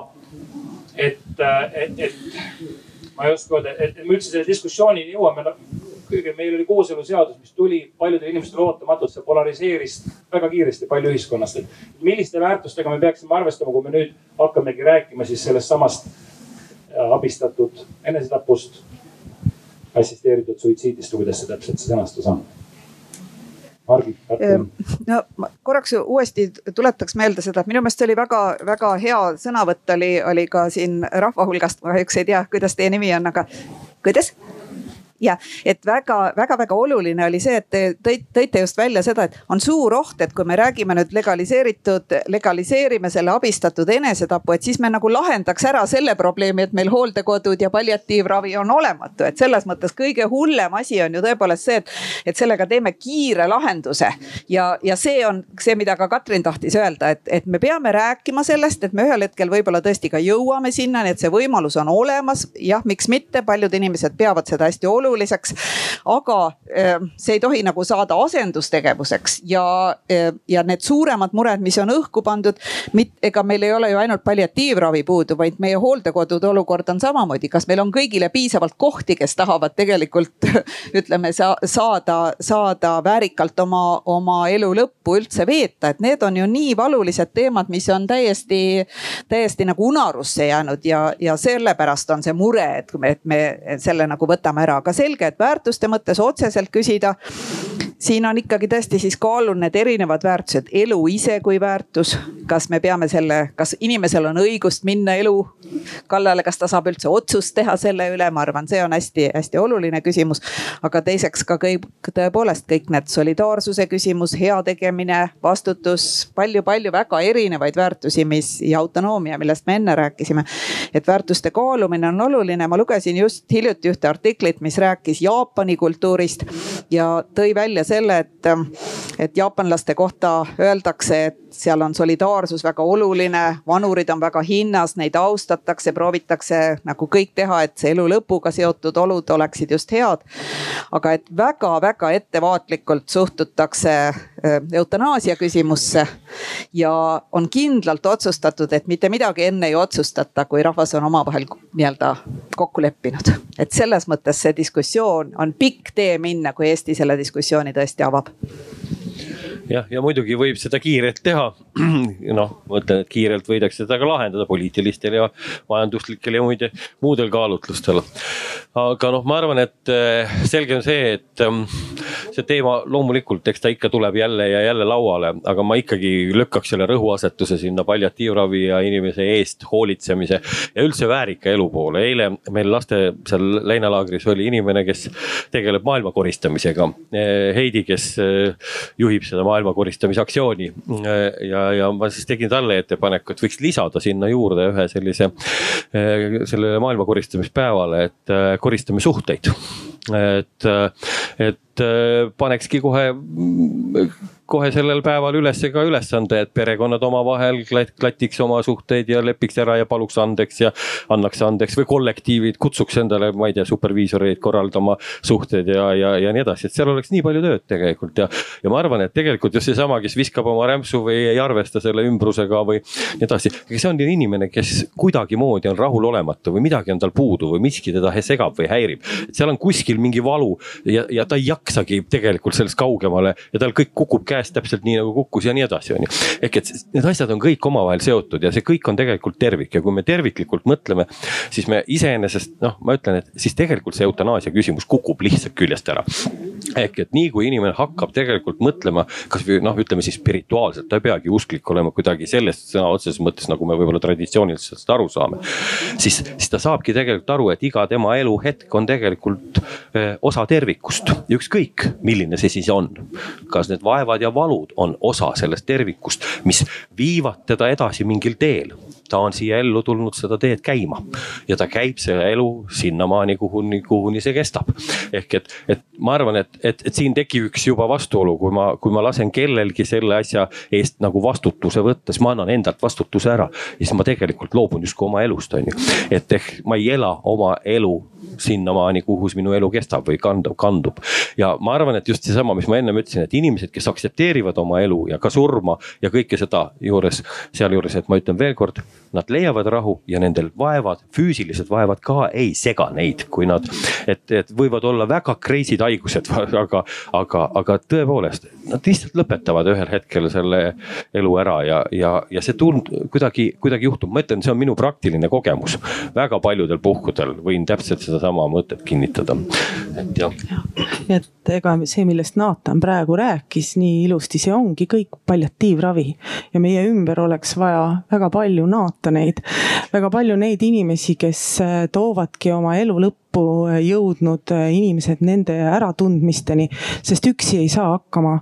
perekond on pea kaotanud, perekond ei saa hakkama, kõik vajavad spirituaalset ja emotsionaalset tugi ja see kõik ongi palliatiivne ravi tegelikult. ja mida mina olen mõelnud, et mis peaks Eesti ühiskonnas äh, toimuma, on nagu alguses rääkisime elujaatavast suhtumisest, siis see on elujaatav suhtumine surma ehk arusaamine surelikkusest kui sellisest. me kõik oleme surelikud ja sellest me peame aru saama. ja kui nüüd hakkab saabuma surm, siis palliatiivravi abiga me saaksime jõuda leppimiseni. see oleks nagu see, see kõlab nagu Ele-Roosa unistus, aga mina tahaksin niimoodi surra, et mul on leppimine, ma olen ära rääkinud, ma olen kokku leppinud ja siis mina lähen. see tegelikult oleks ilus ja füüsilised äh, piinad on ainult üks osa ja tegelikult lihtsamini lahendatav osa palliatiivravist. et äh, elujaatav suhtumine surma kõigi inimeste seas, et ei oleks sellist asja nagu ühes Eesti vallas oli kohutav äh, skandaal surnuaia lähistele tahti, taheti projekteerida lasteaeda. õudne. surnuaed on ju zombide koht, sinna lähedale last, lapsi ei tohi lasta. nii et see, see arutelu ja see paanika, mis ühiskonnas oli, et see rääkis iseenda eest, et midagi on väga viltu. rahu iseendaga selle termini kallal võiks võiks palju arutada. mul tuli äkitselt kargas pähe sihuke mees nagu Leonard Cohen, ma ei tea, kas teate. laulja, Kanada laulja, kes mõni aeg tagasi lahkus, kaheksakümne kahe või kolm aastat tegi ta viimase plaadi, ütles, et I m ready my lord ehk ma olen valmis tulema. tema oli siis juut ja kolm kuud hiljem ta suri ka, kui see plaat välja tuli uh,. me oleme kristlikus kultuuriruumis, me kunagi uskusime osa meist ja osa tänapäeval siiamaani me usume sellesse, et on ülestõusmine, on elu pärast surma. kuivõrd, kas selline teadmine kuidagi aitab leevendada suremist, kas selline teadmine on kaasa aidanud Naatan ja, ja, ja Ilve teisi? kuidas te olete kokku puutunud? Kindlasti selline teadmine aitab väga palju inimesi, inimesed, kes teavad, et eh, see on ainult üks vaheetapp, et nendel on midagi kaunist veel ees, nad surevad väga lah-, eh, rahulikult ja nende näoilme on ka väga rahulik. ma olen näinud ka surijaid, kes ei usu seda ja see surm on väga kohutav olnud. aga inimene, kes teab, ta väga rahulikult läheb vastu, minu oma õde eh, kes ei olnud mitu kuud tõstnud oma käsi üles ja ta oli üldse väga rahulikult. enne surma kaks minutit ta tõstis oma käed üles ja ütles, milline imeline valgus on siin. ja nii ta lahkus nii et see on eh, selline imeline osa, mis on inimestel, kes usuvad, et teisel pool meie elu jätkub. ma usun, et Naatan oskab sind paremini mis paremini, igalühel oma mõtted. aga eh, kindlasti ma arvan, et kui meil on olemas nii selline perspektiiv ka üle, üle meie inimeste jaoks võib-olla teadaolevate piiride. me suudame seda kuidagimoodi ette kujutada, siis see kindlasti aitab meid. aga ma arvan, et sellest noh, selles mõttes ikkagi arusaamine, uskumine on üks osa elust, et, et mis ma ennem rääkisin, et selle uskumise juures peavad olema ka ikkagi minu meelest suhted selged ja klaarid ja korras. et ei piisa sellest, et mul on oma üksinda usk, vaid mul peab olema, see usk peab kandma mind ka teiste inimesteni minu ümber. või see peab andma mulle ka tähenduse ja mõttekuse kogu selles, selles elus tervikuna, mitte minule üksinda, vaid, vaid koos nende teistega, kes minu ümber on, et, et, et see ikkagi ei saa nagu, ma ei saa üksinda ennast välja võtta, et ma võin olla usklik, kui ma üksinda seda olen, ilma et see peegelduks kuidagi minu ellu või, või minu tegudesse või minu, minu hoiakutesse, suhetesse, siis paraku ta, siis, siis ta on nagu surnud jah. ja, ja siis, siis, siis sellel ei ole efekti. et äh, siis ta on teoreetiline ja samas tõepoolest, eks me vajame seda, üks arst kes oli ka noh, selgelt selline ateistliku maailmavaatega, kui ma tema, tema nii-öelda viimase aasta jooksul päris palju teda külastasin, ta tahtis äh, lihtsalt, et ma käiksin teda vaatamas ja siis ta. ja siis järjest ta rohkem hakkas küsima mu käest, aga kuidas sa ikka mõtled sellest, mis siis pärast tuleb, see on ikka nii veider, aga no kuidas sa sellest ikka mõtled, siis ma talle natuke rääkisin, et kui ta tahab mu käest teda kuulda. jagasin temaga ja, ja siis viimane kord, kui ma teda kohtasin, siis äh, ütles, et tead, mina ei oska, aga kas sa võiksid mu eest palvetada ja mu ära matta et, ähm, et noh, et, ähm, et ta kuidagi jõudis lõpuks sinnamaani ikkagi, et, et ta vajab seda mingit perspektiivi kasvõi läbi minu mõtte. kasvõi läbi selle, kuidasmoodi mina sellest asjast mõtlen ja talle seletan, et sellest talle tollel hetkel tundus, et oli abi et me ikka vajame, kui see päris reaalselt on silma ees, siit edasi enam ei oska vaadata, siis, siis, siis tekib see küsimus, et mis seal piiri taga on. ja ma arvan, et see teeb elu lihtsamaks küll, vähemalt küllap me kõik oleme mõelnud selle peale, kui on viimane hetk, et kuidas, mis siis saab. mis me teeme, mis me mõtleme. mina muidugi kuulun nende hulka, kellel, kuigi ma unistan, et ma saaksin rahulikult ja ilusti surra. mul ilmselt seda perspektiivi ei ole, sest ähm, minu tõekspidamised hetkel, hetkel, Naatan, võib-olla ma lõpus tahan sinuga rääkida veel. aga hetkel on sellised, et äh, minu maine eksistent lõpeb ja kõik, mis minusse puutub, see ka lõpeb siin. ma olen isegi mõelnud, et ma ei tahakski kuskil edasi eksisteerida, et et äh, ma pean vaatama, umbes minu lapsed teevad mingeid lollusi ja ma ei saa füüsiliselt enam sekkuda. aga nali naljaks, et ma ei ole kunagi mõelnud, et äh, midagi minust jätkab kunagi hiljem peale mälestuste. ja ka sellises olukorras peab hakkama saama, peab leppima sellega, et nüüd ongi kõik, et sina enam ei eksisteeri, ainult mälestused sinust eksisteerivad. oleks head kui head mälestused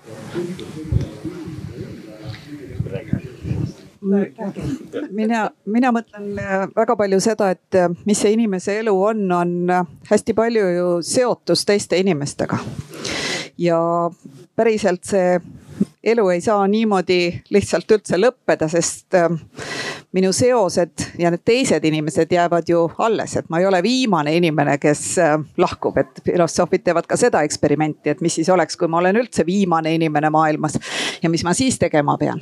aga ma elan edasi teatud mõttes teistes inimestes, kõige otsesemalt muidugi oma lastes, oma lapselastes ähm, nii-öelda läbi selle geneetika, aga läbi ka nende seoste, nende nõuannete, nende ühistegemiste ja nii edasi.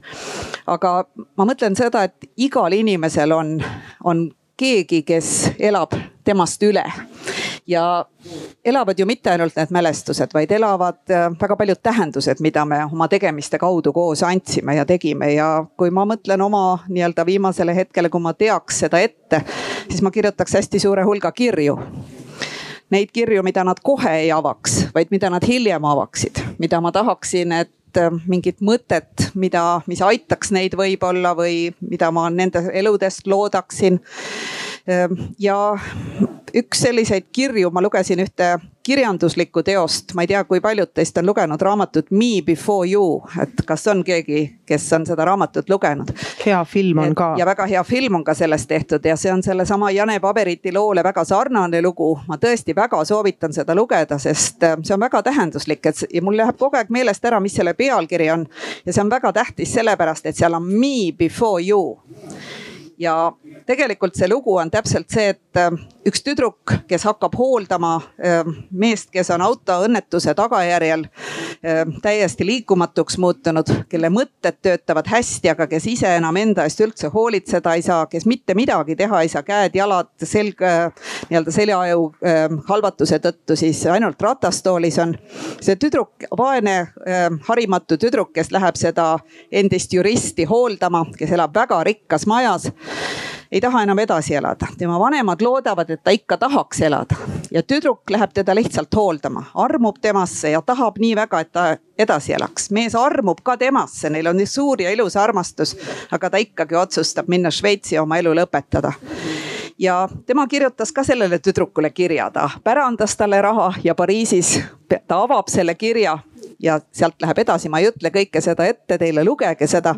aga see on väga oluline küsimus, et see on me before you, et kas otsus tuleb teha enda seisukohalt või see otsus on just nimelt teisi arvestav otsus ja see, mis ka teiste jaoks on oluline. see on nii suur hulk teemasid, igaüks peab sellele ise vastama. aga see vastus peab ka tulema, et see ei ole ju ainult mina, minu lahkumine, minu surm, vaid minu seosed teiste inimestega ja see suhete teema kindlasti on nii elus meile oluline kui lahkumisel hästi oluline. et selles mõttes suur aitäh Natanile, et ta selle aspekti tõi ja minu meelest meie lääne kultuuri viga ongi tõepoolest see, et me nii palju ainult räägime iseenda keskselt. tegelikult on meie suhted teiste inimestega, see, mis me oleme läbi meie ühiste suhete, nii palju olulisem kui ainult see, et me mõtleme, kuidas meil endal hea oleks. sest lõpuks on meil endal hea siis, kui me saavutame selle koosluse hea niisuguse suhete võrgustiku koos teiste inimestega, kes meile on tähenduslikud ja läbi kelle ja koos kellega me elame. keegi meist lükkasime mikri välja, vahepeal keegi meist pole saar omaette, eks ole, nagu on öeldud. meil on viis minutit, see küsimus jäi õhku, et mis, mis te mõtlete või olete te mõelnud selle peale, kui viimane hingetõmme? Kindlasti on oluline, millised jäljed me oleme oma elus jätnud see on võib-olla üks olulisemaid küsimusi ja kuidas me oleme oma elu elanud. ja kindlasti ka elu õhtul tuleb see mõte meis ka, milline on olnud meie elu ja milline on olnud meie suhted ka teistega, nagu siin kümme korda on räägitud. aga oluline on kõigeks see, millised jäljed me oleme jätnud, kas me oleme positiivsed jäljed jätnud või oleme me jõudnud ikka, kus me oleme vihased vanainimesed. ma alati vaatan seda, kui inimesed on jõudnud juba sellisesse vanusesse nagu mina ja nad on väga mornid, siis ma alati mõtlen, miks peab olema vana inimene morn, vastupidi, ta peab olema rõõmus. vaadake, iseseisvus on saabunud, täna päike tuli välja, meil on nii palju rõõmu ja me peaksime olema tänulikud ja kui me igaüks mõtleme selle mõttega, siis on tore ka jätta viimasele eluõhtule hüvasti selle jutu peale osad inimesed piilusid, ütlesid, et näha, kes see räägib seal, pärast tulge vaadake ja katsuge. mina tegin temaga hiljuti, me tegime pikemat sorti intervjuu, ma, ma sain sellise energialaksu sealt, et kuigi ma peaks energiat täis olema. Hele ja, ja, ja Naatan, viimased hetked olete mõelnud, kuidas seda mõtled ikka, mõtled ikka seoses, seoses sellega, mida iga päev koged või ei koge. kindlasti olen mõelnud, loomulikult olen mõelnud ja, ja iga selle situatsiooniga, mis ei oleks pidanud liiga vara lõppema. aga ma usun, et ma usun, et see on nii isikupärane, et kes mida usub ja, ja ma ei julgeks öelda, et ma et ma saaks millestki muust kui sellest, ehm, mis ma olen elanud, jõudu ka ära minna, et ma nagu ei oska midagi sealt eest oodata. ma arvan, et on isegi õnn nii kaua võimalust saada teha iga päev neid asju, mida sa tahad ja vahel ka neid, mida ei taha. Ja olla paljude inimestega sina peal sõna otseses mõttes ja kahtlemata kõige olulisem edasiviija on ikkagi sinu kõige lähedasemad inimesed ja ma võib-olla siia räägin oma ühe vanatädi loo. ta ei olnud küll otsene vanatädi, aga tema saatus oli nagu paljudel siin Eesti inimestel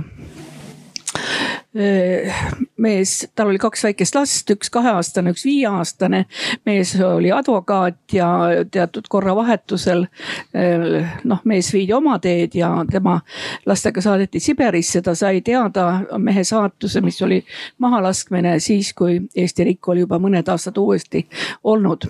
aga tema siis Siberis oma kahe väikse lapsega, ta ütles, et kaheaastasega oli väga keeruline, keerulisem palju kui viieaastasega, sest neid pandi kuskile küüni elama ja kapsalehtedest toituma ja nii edasi ja, ja oma Jaanikese ta matiski sinna, sinna viies kuskilt Disleri juurest saadud kirstus siis Kirstu haiglasse ja sealt juba surnujale ta oli kakskümmend viis oli saanud, ta sai õnneks eh, tagasi saata oma tütre, eh, kes lõpetas siis keskkooli tol ajal. Ja muidugi eh, Tartu Ülikooli tal ei lastud astuda, sest et ta oli represseeritud tütar ja, ja läks tol korral millegipärast Leningradis oli see lihtsam ja läks sinna see proua sai siis tagasi tulla küll natuke varem kui kakskümmend viis aastat ja tegelikult oli matnud oma poja, sai teada oma mehe surmast ja siis tema, tema tütar sai neljakümne aastaselt ka veel ajuverevalanduse, mille tõttu ta suri. Ja siis hakkad mõtlema, et mis sellel inimesel on, kus see, kus see jõud tuleb, ta ütles, et jah, mul oli tõesti niisugune tunne, et ma ei taha enam elada kõik on läinud ju tegelikult. ainult mina olen jäänud ja milleks.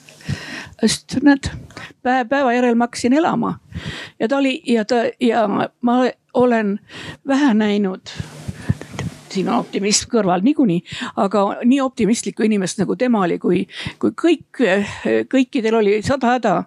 kui oli, kui tuli meil siin elada mitte just väga, väga hõlpsat elu, siis tema ütles, et ainult, ma ei saa aru kõik on ju olemas.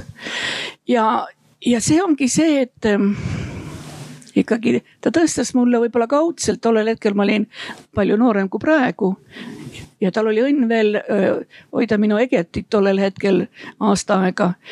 ja, ja, ja sealt ma sain nagu niisuguse tunnetuse, et mis ka ei ole. elu on igat hetke väärt meie jaoks ja, ja see ei ole saladus, ma ütlen ka, kuidas noor mees võib kaheksa kuuga muutuda. Egert oli siis kümme aastat noorem, kui me olime ema ja isa matnud ja minu ema ja isa. Ja ütles, et me oleme pool perekonnast kaheksa kuuga kaotanud meil oli väga ilus platsi peal, nad mõlemad on seal ja siis ta ütles, et ma olin ise seda mõelnud. ja siis ta oli, siis ta oli vaadanud ja öelnud, et kuule, aga siin on veel tühja platsi.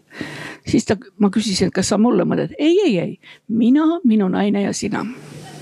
ja me tegime selle ära füüsiliselt ma tean, et ma olen seal omade juures, ükskõik kuidas mõtlen tuleviku peale. ja üks noor mees tegelikult mõtleb niisuguse elu peale, mis ühel hetkel meie kõigi jaoks lõpeb, ma arvan, et, et see on üks osa võib-olla sellest kultuurist, mida meil oleks kõigil vaja. Kell on viisteist kolmkümmend üks, Naatan, sina ei saanud viimast küsimust vastata, palun vasta ruttu, sa vaatad ka oma kella, ma tean, et sa teine laagris tagasi. ei no ja, sellest küll ma jõuan, aga mm, tegelikult tahaks kuidagi mm, mõelda, et ma siin alles paar nädalat tagasi käisin enda vajuse naisterahva juures, kes lõpetab oma elu ja võtab kokku. ja ta ütles, et ta on nii õnnelik ja tänulik, et ta on elanud nii toredat elu ja tema ümber on tema armsad inimesed. et ta on kodus ja ta on nende keskel ja ta tunneb sellest rõõmu oma äh, suremise eel. et ma olen püüdnud siis ka mõelda ja elada niimoodi, et hoolitseda, et mu ümber need, kes mul on tähtsad, äh, viitsiksid minuga koos olla ja tahaksid tulla siis, kui ma võib-olla oleksin natuke viletsam ja. kuigi lapsed nüüd siin sellel aastal rattamatkal ütlesid, et noh, kui sa oled isa vana, et siis nüüd veame meie sind taga. et sa oled meid vedanud kogu aeg järgi. aga, aga muidugi asjadest ei tohi ette rutata, ma olin äh, kakskümmend neli, kui mu abikaasa oli üheksateist ja ma olin palju matustel, siis ma olin Tarvastu kiriku noor õpetaja. ja siis ma ühel sügisel istusin seal oma vanaisa haua peal ja joonistasin siis oma hauakivi kavandit ja siis tulin õnneliku näoga koju, näitasin naisele, et kuule, vaata, kuidas, mis sa arvad sellest, on ju. no tema hakkas nutma, siis ma sain aru, et ma olen asjadest natuke ette rutanud. viisteist kolmkümmend kaks on kell. Keter Jaani laulis, me kõik jääme vanaks, mina ei oska laulda, aga me kõik sureme ära on siuksed uudised, ega me seda kuulda ei taha, aga nii see on ja ma arvan, et kui me mõtleme sellele, kui mitte nüüd haiglaselt iga päev ja kogu aeg küll mingi otseas ja kui me arvestame selle paratamatusega või osa eluga, siis äh, see vast aitab meil ka tegeleda tulevikus spetsiifilisemalt nende küsimustega, mis meie ühiskonda puudutama hakkavad, mis on siis abistatud enesetapp, kuidas me iganes seda täpselt nimetame aga siinkohal me tõmbame kriipsu alla, ma vahepeal viitasin teie poole ka, käsi ei tõusnud, keegi väga ei kippunud arvamust avaldama, nii et äh, et me teeme suure aplausi ja täname meie diskuteerijaid Katrin, Margit, Naatan, ühe teisi ja Hero, suur aitäh teile.